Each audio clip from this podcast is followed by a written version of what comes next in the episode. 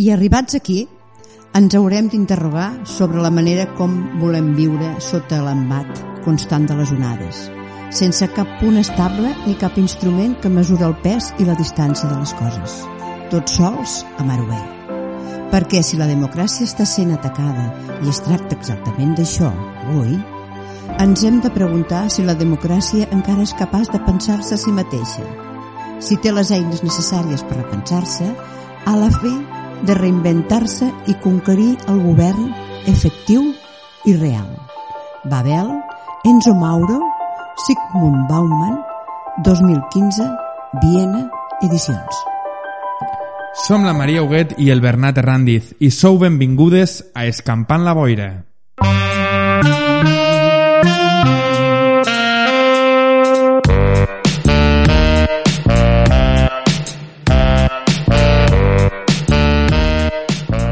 I avui, Maria, escampem la boira amb Zygmunt Bauman.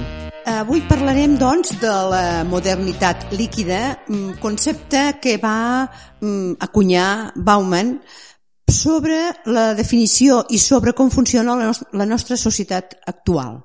Ell ho definia com la fi de l'era del compromís mutu. És un problema perquè no només hi ha la final del, del compromís mutu, com, com ell mateix ho va dir, sinó que, a més a més, és un problema perquè no tenim res que ens protegeixi ni res on anar quan les coses van malament. Ell parla de la contraposició amb la modernitat sòlida. Aquesta modernitat sòlida que fins ara doncs, les generacions més grans doncs, eh, havien, hi havien viscut, en què pràcticament tota la vida no, feies, feies el mateix. Amb, a, al contrari d'aquesta societat líquida que, com dius Bernat, les coses, les relacions, les, eh, les accions, els efectes duren molt poc i sempre estem buscant coses noves. Sí, de fet, eh, ell parla molt de la dificultat que, tenen, que tenim les persones i altres actors socials, com poden ser bé, partits o associacions, d'establir estratègies a llarg termini. Perquè, clar, tot dura tan poc que no, no et val la pena, no tens temps a, a establir una estratègia de llarg termini. Pos, posem, per exemple, les feines d'avui en dia. No tenim uns contractes que siguin indefinits i que durin per la majoria de tota la vida com havien durat en, en el seu moment i això fa que doncs, no puguis planificar la teva vida, no puguis em, dir, doncs, entro en una casa o m'estableixo aquí en, aquest, en aquesta ciutat, m'arrelo al territori, treballo perquè millori el meu entorn, perquè qui sap si t'acabaran canviant de feina, acabaràs anant en una altra ciutat, en un altre poble, i, i de sobte acabaràs sent diferent i tot el que hauràs planificat s'acabarà. Per això, aquesta societat líquida eh, el que fa és tenir un efecte molt fort en els individus, perquè no volem que res duri, perquè sabem que res dura. No? Que ja comença quan el temps de la Margaret Thatcher, el Ronald Reagan, que eh, començaven ja entre cometes, a desmantellar el que anomenem l'estat del benestar, que seria aquesta estabilitat, o per almenys l'intent d'estabilitat. Sí, de fet, parla de com es passa de la premodernitat a la modernitat sòlida a la modernitat líquida. I tot sempre ve després de crisis. Ell diu que, com comentaves, als, al 1970 comença aquest, aquest nou embat amb el triplet que ell assenyala de Reagan, Friedman i Thatcher, que el que fan és, assumeixen que fins en aquell moment l'Estat no ha funcionat i el que diuen és, bé, doncs ara li donarem el paper al mercat com a solució de tots els nostres mals. Aquí es crea la trentena opulenta que ell com comenta, que és tot consum. Què passa? Que s'ha demostrat, són moltes les crisis que es van donant, molta incertesa, molta inestabilitat, 2007-2008 acaba petant tot. I ara ens trobem en un moment en el que qui ens protegirà? Qui, qui farà d'aquest paper que havia fet l'Estat i que després li donen al mercat? Aquest, aquest és un, un gran problema, Maria. Sí, perquè aquí topem amb una cosa molt important, és a dir, la democràcia. Davant d'aquesta inestabilitat, davant d'aquesta immediatesa, la democràcia, doncs ara està amenaçada. O hi ha, hi ha un conflicte d'aquest divorci entre la política i el poder. Quan s'afableix la democràcia és quan apareixen moviments doncs, totalitaris o d'extrema dreta que qüestionen aquesta democràcia i prometen una demagogia i un populisme eh, davant de, és a dir, una solució davant de la crisi. Clar, o sigui, el, el problema realment, el, la gran amenaça de la, de la democràcia és això que comentaves ara, el, el divorci entre la política i el poder. Realment el problema és que aquesta separació no és una separació total, perquè és veritat que la política, sobretot en, en ajuntaments això ho veiem molt, però també en la Generalitat i les forces estatals, la política ara només es destina a administrar i a gestionar les restes i no es fa grans, gran, gran política, no es fa la política que s'havia entès com sempre de democràtica. I el poder es trasllada a aquestes forces transnacionals que no s'han separat, sinó que cada cop intenten influir més en la política. Per exemple, el, el que està fent Twitter, que va eliminar la compta a, a un president dels Estats Units, uh -huh. que és una decisió que fins i tot a mi em podria semblar bé pel, pel resultat que té, no?, de silenciar una persona que està dient mentides, o fins i tot a, als partits d'extrema dreta aquí. Però la connotació que hi ha aquí darrere és que està fent política un, una gran transnacional que és Twitter, que no ha escollit ningú i que per tant és antidemocràtica. Llavors, no només té el poder, sinó que ara està entrant en la política i està decidint. I no només ho ha fet Twitter, ho, ha fet, ho han fet altres organitzacions que poden tenir un cert, una certa legitimació democràtica perquè els estats li fan cas, però que no són un, un element representatiu, que al final és una de les parts de l'essència de la democràcia, com el Fons Monetari Internacional. I aquí trobem el xoc en alguns països que sí que intenten, no? o alguns casos que sí que s'intenta fer política, que xoquen contra aquests mecanismes transnacionals no democràtics i que el que fan és fer política sense ser política, no? Jo crec que això és un, un tema clau en el que Bauman assenyala... Hi ha, hi ha també, mm, no recordo ara l'autora, la, sé que parlava de la retirada de l'Estat. L'Estat cada vegada s'està tornant amb una gestoria, per dir el que comentaves, sí, sí. el que comentaves abans, i aquesta retirada de l'Estat, doncs clar, doncs, doncs comporta aquesta feblesa, aquesta liquiditat, perquè cada, cada quatre anys es fan unes eleccions, però vull dir, l'elector o l'electora aquí té molt poca influència. Per què? Aquest estat és dèbil i hi ha aquestes les grans corporacions, els oligopolis planetari, que són els que no, volen com a voltors sobre aquesta feble democràcia.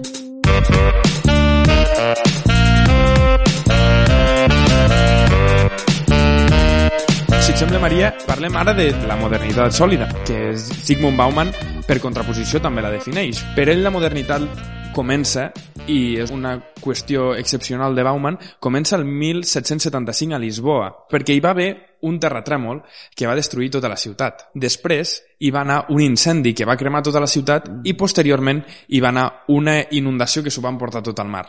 Aquí Bauman diu que els grans pensadors de la modernitat van veure que la natura no estava tot fet per a l'home perquè Déu ho volgués, sinó que la natura és salvatge i que no mira, no, no està centrada en l'humà.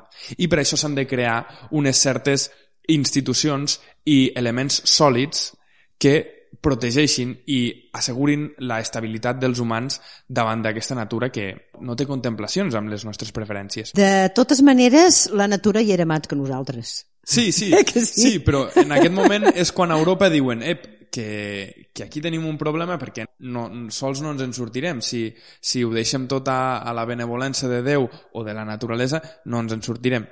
I després hi ha un altre moment importantíssim per l'Estat, que és molt més endavant, després de totes les revolucions que hi ha, de la francesa, l'americana, la, la russa, hi ha moltes revolucions, i arribem a la crisi de 1929, que per Bauman també marca un punt d'abans i després. A la crisi del 1929 arriba un moment que l'economia peta el crac del 29 als Estats Units, però que és a nivell global. I això el que passa és que, bé, tornem a veure no, un moment de crisi, que la crisi per Bauman és molt important, per dir, i ara què? I aquí la resposta als Estats Units, a la Unió Soviètica, a Europa i a la majoria dels països occidentals, el que fan és dir, l'Estat ens salvarà perquè és democràtic, perquè l'hem escollit nosaltres i perquè és prou sòlid com per fer front a l'economia i als mercats. I aquí, doncs, des dels Estats Units amb, amb Keynes, el que fan és que l'Estat promogui una inversió, creï economia i faci sortir de la crisi. I aquí arribem al 1970, que dèiem que és la fi de la modernitat sòlida i l'inici progressiu de la modernitat líquida. I quines són les conseqüències, Maria, de la modernitat líquida? Segons eh, Bauman, doncs clar, doncs, eh, ells parlen de la crisi i que com ens enfrontem en aquesta crisi, com ens adaptem a aquesta crisi i qui és el que, a quins sectors han de portar més o menys solució o planificació davant d'aquesta nova situació. Crec que coincidim, coincidim amb que Bauman, amb el que diu Bauman, que s'ha de reforçar la democràcia. I de fet, ell, aquí podríem tenir un, un debat i, un, i crec que és cap a on, si més no, senyala Bauman que s'han d'encarar de, les, les propostes polítiques, que és de dir, ara un, una de les parts més importants de la societat líquida i la modernitat líquida és la globalització, la interdependència total entre totes les parts del món, i d'aquesta globalització se'n surten com fem front als problemes globals quan la política està a lo local, no? a, a la, tant sigui a nivell nacional com a nivell local.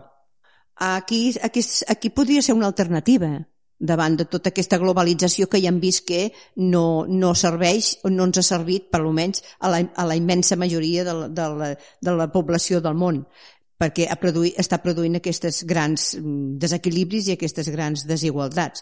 I potser hauríem d'anar eh, com a alternativa a la, les parts més, més, més de proximitat, eh, de, de, de proximitat entre les relacions, entre les feines, entre, entre doncs, com volem viure i a partir d'aquí poder ja imaginar una altra mena de món, que penso que això també, si no Bauman no ho va dir obertament, penso que se'n dedueix de que hem de ser capaces d'imaginar un altre món, i puguem dir i que piguem tots i totes. Sí, i ara això que comentaves ara de, de, de la importància de lo local, m'agradaria recordar aquella frase que es diu de pensa globalment, actua localment, no? Potser això seria una sortida a, a aquest problema i a aquest atzucac que ens presenta la modernitat líquida.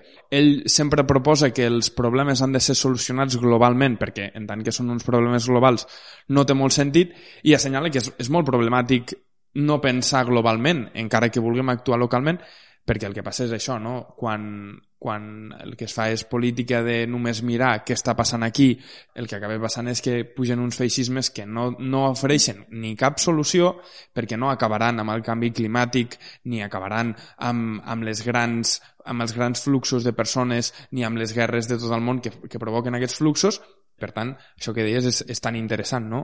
El, el, sí, podem actuar localment, però sempre pensant globalment, perquè els problemes d'avui en dia, com el canvi climàtic, és global. Sí, aquesta frase és una frase que jo recordo, ja tinc uns anyets, doncs en els anys 70 també es deia, els anys 70, sobretot els anys 80, quan tota la, les campanyes a nivell internacional contra les nuclears, per exemple. Sí, de fet, de fet Bauman, després ho, uh mhm. -huh. podem comentar la seva figura, Bauman va ser un dels, dels grans pensadors o un dels líders intel·lectuals de, del moviment aquest antiglobalització. I per deixar-ho tancat, ell mm, parla de que la nostra societat, i cito textualment, ha fet de la desafecció una part obligatòria de les ocupacions vitals. Això també és un problema, perquè quan, quan no podem entendre què està passant al món, quan no podem, no podem entendre que què ens està passant com a societat i com a, com a globalitat, el que passa és que ens confonem i veiem mm. problemes on no n'hi ha, és molt fàcil veure problemes on no n'hi ha i no veure els problemes que hi ha realment. No? I aquesta desafecció el que, el que fa és, doncs el que, passa, el que parlàvem, el divorci de la política i el poder, el que fa és aquesta desafecció que és característica de la nostra, de la nostra societat, tal com diu Bauman. Mm. I un, una petita aclariment, que Bauman no considera la modernitat líquida, això és important perquè Bauman no considera que la modernitat líquida sigui el final de la modernitat. No hi ha un canvi substancialment important respecte abans del 70 o de, de quan la modernitat sòlida com per parlar d'una un, postmodernitat o d'un final de la modernitat, sinó que és una versió que ell anomena, cita, cito una altra vegada textualment, que és una versió privatitzada de la modernitat. És a dir, s'entregue les claus de la modernitat als mercats. Hi ha, hi ha l'interès privat i no la comunitat, no? la, el compromís mutu i l'afecció en una, en una comunitat per sortir-ne junts de tots els problemes. Clar, tot això, insiste, insisteixo, això doncs, no, no, no planteja cap oportunitat a la igualtat. És a dir, millor dit a la igualtat, sinó a la a la, a la igualtat d'oportunitats. Uh -huh. eh? La immensa majoria de la població de, de, del planeta segue, seguirà amb, amb una situació doncs, eh, molt, molt difícil per, per poder fins i tot viure. No? I, insisteixo, el que sí, el que, sí que cal és, eh, penso que hauríem de fer un exercici d'imaginació. Mm, les distòpies, les distopies eh, estan a l'ordre del dia eh, a tot arreu i sobretot doncs, a les sèries i les pel·lícules, però crec que potser hem de donar una altra oportunitat a l'utopia.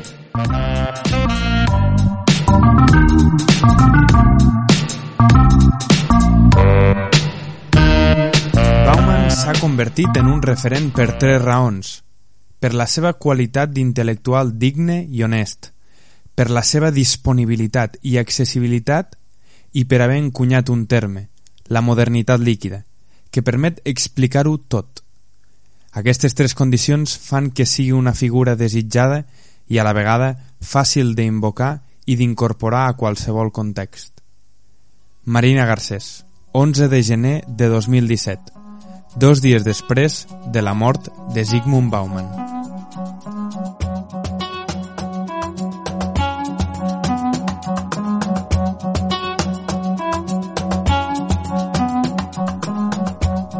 Qui és Zygmunt Bauman?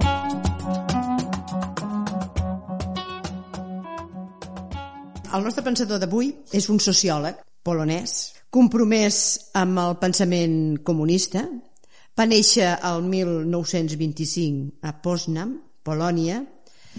Pertanyia la seva família al, eh, jueva, però no eren practicants. Per tant, aquí doncs, ja trobem una problemàtica familiar en els temps que vindran, sobretot en els anys 30 i 40 aquest fet que comentaves fa que amb l'ascens del nazisme es traslladin a, a la Unió Soviètica i ell s'allista a l'exèrcit polonès per fer front als nazis. Però deixa l'exèrcit després de la guerra. Al 1953 el seu pare vol emigrar a Israel i se li demana que abandoni, abandoni l'exèrcit perquè això es considerava doncs, una, una traïció o un, un perill per, per, per l'exèrcit. Ell, ell no compartia aquesta decisió perquè ell, ell era detractor del sionisme i va morir criticant l'ocupació d'Israel a Palestina. De fet, mm, jo crec que va ser una persona coherent tota la seva vida i la veritat és que des del 25 fins al 2017, que va morir als 91 anys,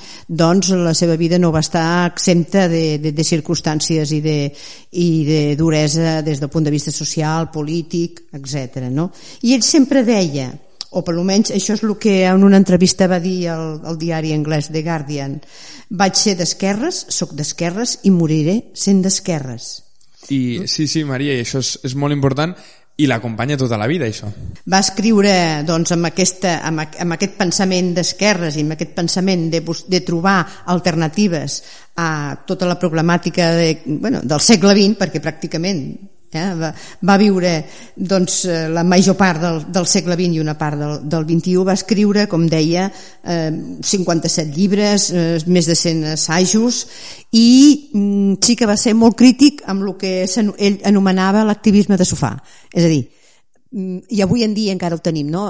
Mm, pitjant el nostre Twitter o el nostre Telegram, doncs ja ens quedem potser tranquil·les, això ell ho criticava obertament i deia que aquí aquest no és un activisme, això és mm, de sofà i el que cal és sortir al carrer i prendre l'activitat i l'activisme com una part de la nostra vida.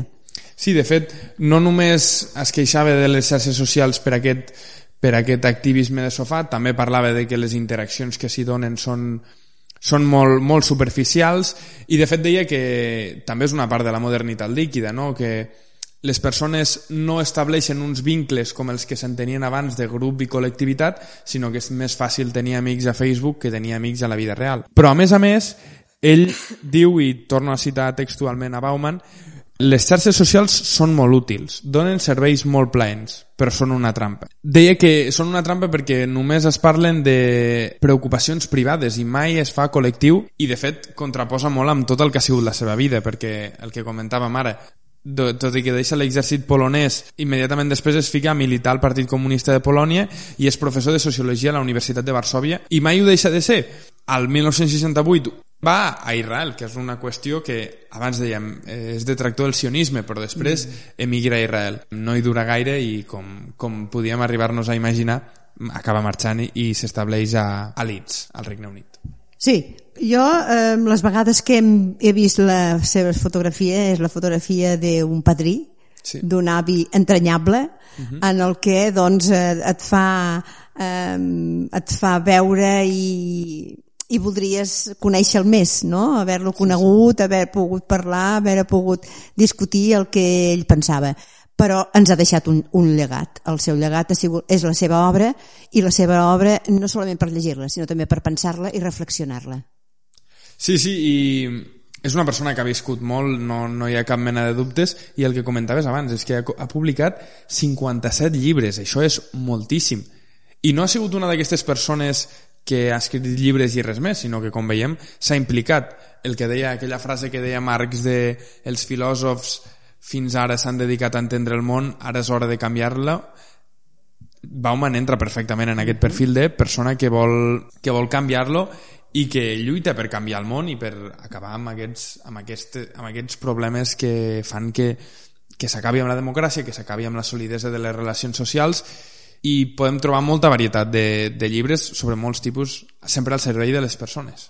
I una altra cosa, que s'entén. Eh? Sí, és entenedor, que, ha... que això de Ah, això mateix, perquè hi ha vegades es trobes amb filòsof o pensadors que et costa una mica, no?, entendre el que volen dir. Bauman és molt intel·ligible. Per això us animem a que a remenar, a buscar i a pensar i a reflexionar.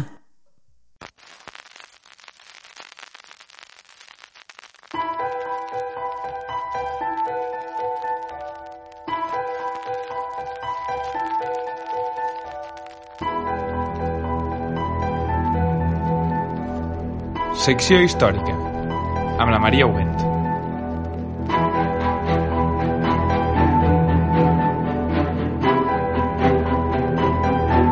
Bé, i la primera secció històrica, Maria, la dediquem a la vaga de la canadenca. Què és? Per la gent que no sàpigui, què és la vaga de la canadenca? Bé, abans de tot, dir-vos que farem un petit a punt sobre la vaga, la vaga de la canadenca perquè eh, requereix molta, molta literatura. La vaga de la canadenca va esdevenir el 1919 i és fruit del descontent i, del, i, i de la potència d'un sindicat en, en aquell moment que era la CNT per demanar millores salarials, eh, reivindicacions per part de la classe obrera i sobretot la jornada de 8 hores. Un element molt important en aquell moment. Importantíssim Penseu que en aquell temps doncs, els, els obrers treballaven 46-48 hores a la setmana, o és a dir, unes 12-13 hores eh, a, a cada dia, dissabtes i diumenges, o en segons quins llocs el diumenge es plegava al, al migdia i només hi havia una, la tarda per poder doncs, des, descansar. Per tant, la classe obrera estava, estava en una situació molt precària, que evidentment això contribuïa amb un salari molt baix i amb moltes dificultats per poder mantenir-se mantenir l'obrer mateix i la seva família. O sigui que si haguéssim de treure un titular per començar amb la canadenca és que si avui tenim la jornada de 40 hores, 8 hores setmanals, és gràcies a una vaga que van fer el sindicat anarquista de la CNT fa 100, 102 anys? Això mateix, fa una miqueta més de, una mica més d'un segle. De totes maneres, eh, eh, aquell moment va ser la culminació, però les reivindicacions, els enfrontaments, les vagues, eh, ja, ja venien de començament de segle i fins i tot a finals del segle, del segle XIX les, a nivell internacional hem de, hem de recordar el 1888, si no recordo malament, perquè ara parlo de, de memòria, amb els, fets, amb els fets dels màrtirs de Chicago, on ja allà, ja a Nord-Amèrica, ja es demanava la jornada de 8 hores. De, va passant, van passant aquestes dècades fins a arribar al 19 i Catalunya doncs, serà un dels llocs d'Europa on doncs, hi haurà un, uns aconteixements més importants en aquest sentit. D'acord, Maria, tornem a la, a la vaga de la canadenca. Abans m'has comentat que els inicis són a la Vall Fosca. Explica'ns això. Cert, és, és, està poc estudiat I bé, aquí hi ha una tasca pels futurs i eh, futures eh, historiadors, historiadores. En, els, en el començament de segle, doncs, eh, ja sabem, doncs, les, les grans ciutats doncs, funcionaven a nivell de, llum, de, de, llum, per il·luminar-se amb, amb una energia doncs, molt, molt precària i es va donar la circumstància de que uns personatges van entendre de que eh, es podia fer grans empreses al Pirineu utilitzant l'aigua.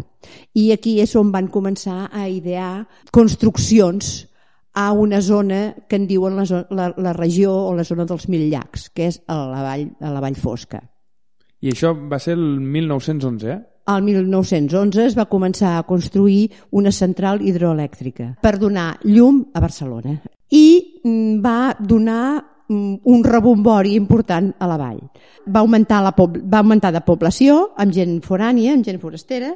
A poc a poc, doncs, els, els obrers van anar agafant mm, consciència de la seva precarietat en la circumstància de que van demanar en un moment determinat doncs, eh, allotjaments com cal, perquè havien de dormir, penseu que feia fred, llavors feia més fred que ara, mm, un, allotjaments com cal, eh, uns hospitals, uns colmados on poguessin doncs, anar a comprar el que necessitaven mm, i després també augment de salari. Això no va ser contemplat per la, per la patronal, per, per l'empresa. Quina sorpresa. Això mateix. I els obrers van començar ja a tenir una certa consciència de classe.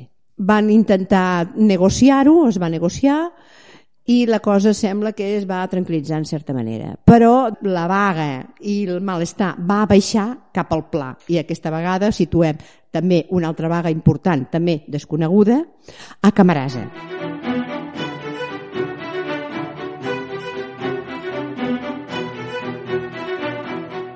Les mateixes demandes, les mateixes mm, condicions per part de la patronal i doncs, declaració de vaga.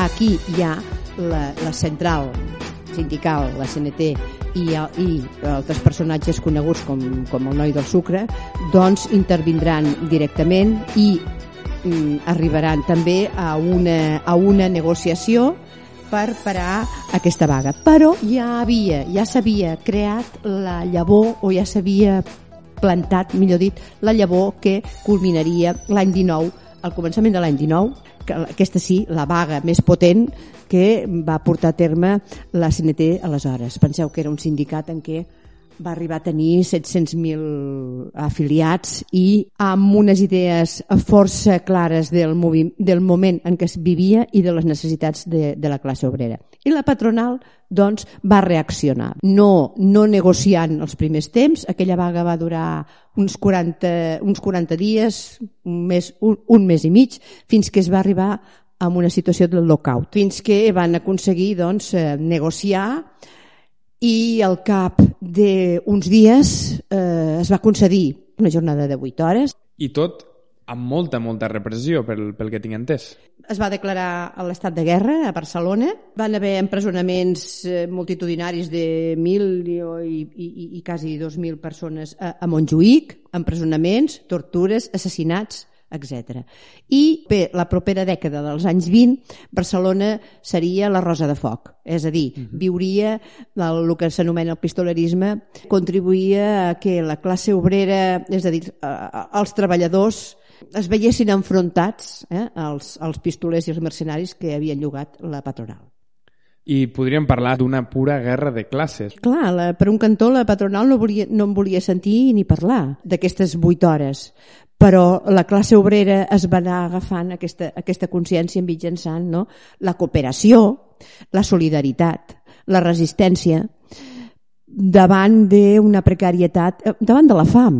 I, de fet, això també entronca molt amb el que parlàvem abans de Bauman, uh -huh. la vaga de la canadenca, hi ha moltíssima gent despedida, moltíssima gent que es queda a l'atur, moltíssima gent que no té diners per menjar, i aquí apareixen els companys, aquí apareixen les caixes de resistència i la solidaritat que això fa, uh -huh. aquesta protecció davant d'un mal que en aquell moment són els, les grans patronals que el que intenten és que treballin i no es queixin. Clar, és això de que la, la història està feta sempre per conflictes i, i no podem entendre la història com bé Catalunya va créixer en aquell moment, sinó en, en termes com la canadenca que ens ajuden a entendre d'on venim Clar. i que van ser els anys posteriors també, perquè això va marcar molt. Mm -hmm. Sí, sí, sí. El per què avui el nostre món és d'aquesta manera, perquè en, en el passat va ser d'aquella manera. És el que dèiem, no? la història és, és, un, és un continuum i hem de resseguir-la per poder entendre què ens està passant avui en dia. I per això, Maria, a cada programa tindrem una secció històrica en la que ens explicaràs algun esdeveniment històric que ha marcat la nostra vida i que necessitem entendre per entendre l'actualitat la, i és que, de fet, en el cas d'avui no podíem entendre la jornada de 8 hores sense la canadenca. Certament, certament. Per, per tant, eh, penso que també hi hem de tenir un record, un pensament un, i, i pensar que moltes persones van donar la seva vida per poder avui en dia nosaltres tenir aquesta jornada de 8 hores que ja sabem que ja sabem que tampoc no és 8 hores estrictes, sinó que les, la situació també és, és complexa actualment. Per tant, Maria, importantíssim mirar el passat per imaginar el futur. Importantíssim per conèixer-nos, sí, i per conèixer-nos. Doncs moltes gràcies. La, al pròxim programa tornarem a tenir una secció històrica. Esperem que tan interessant com la d'avui.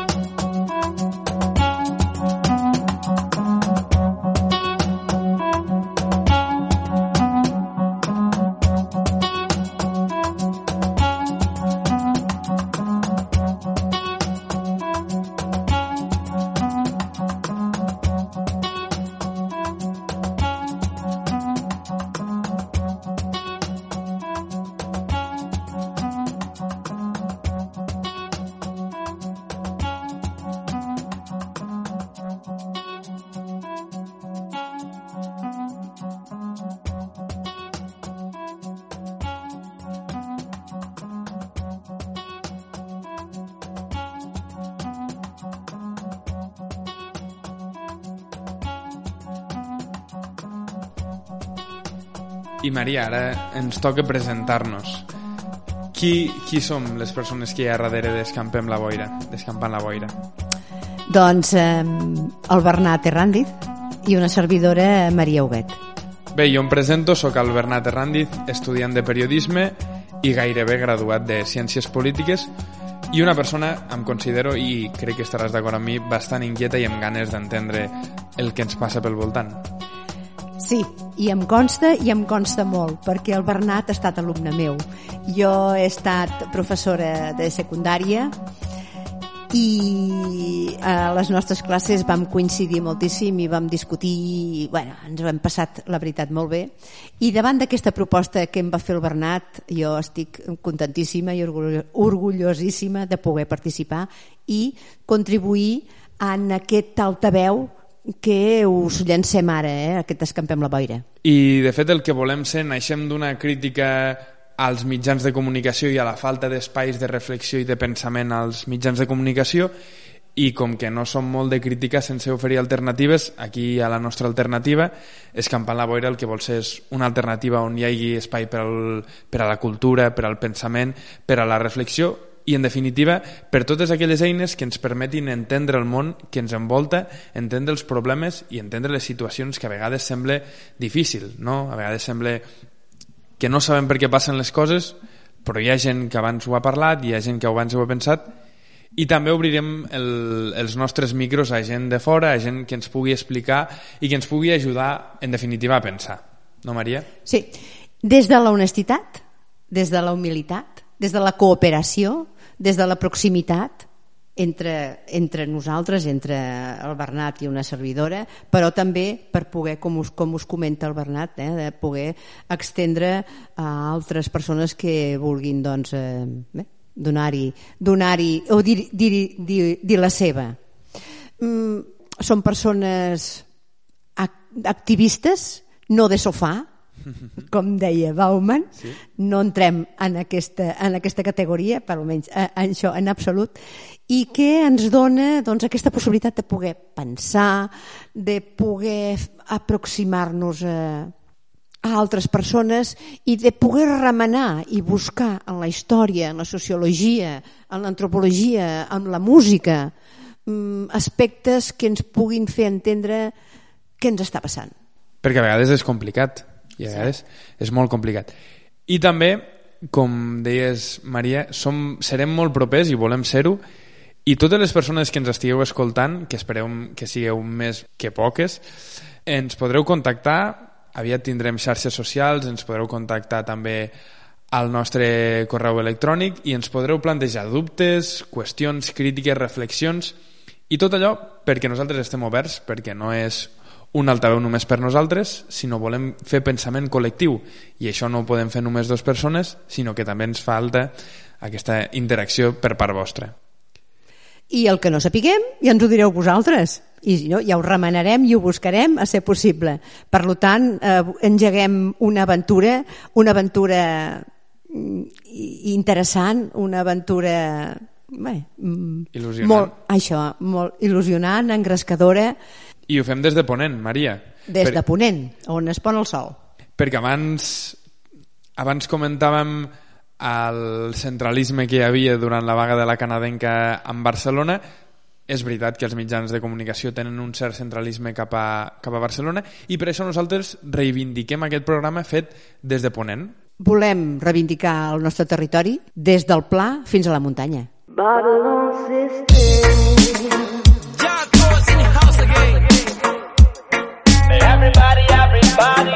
I aquest primer episodi el tanquem amb una cançó de Coers. La cançó es diu Cremem Babilon. Precisament, el fragment de l'inici del programa parlàvem d'un llibre que es diu Babel, en el que Bauman comença fent una analogia entre la modernitat líquida i la societat que Jorge Luis Borges retrata en el seu conte La loteria de Babilònia.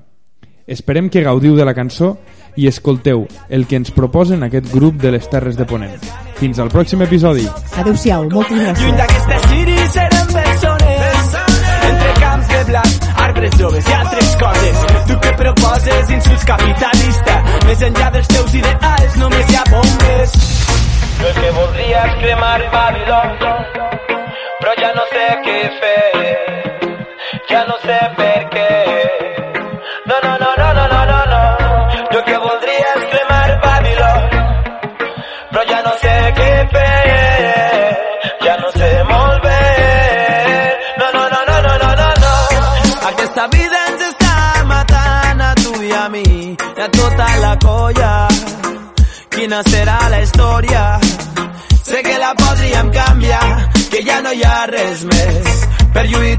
lluitar que no sigui una festa brutal en aquesta ciutat feta de fum i.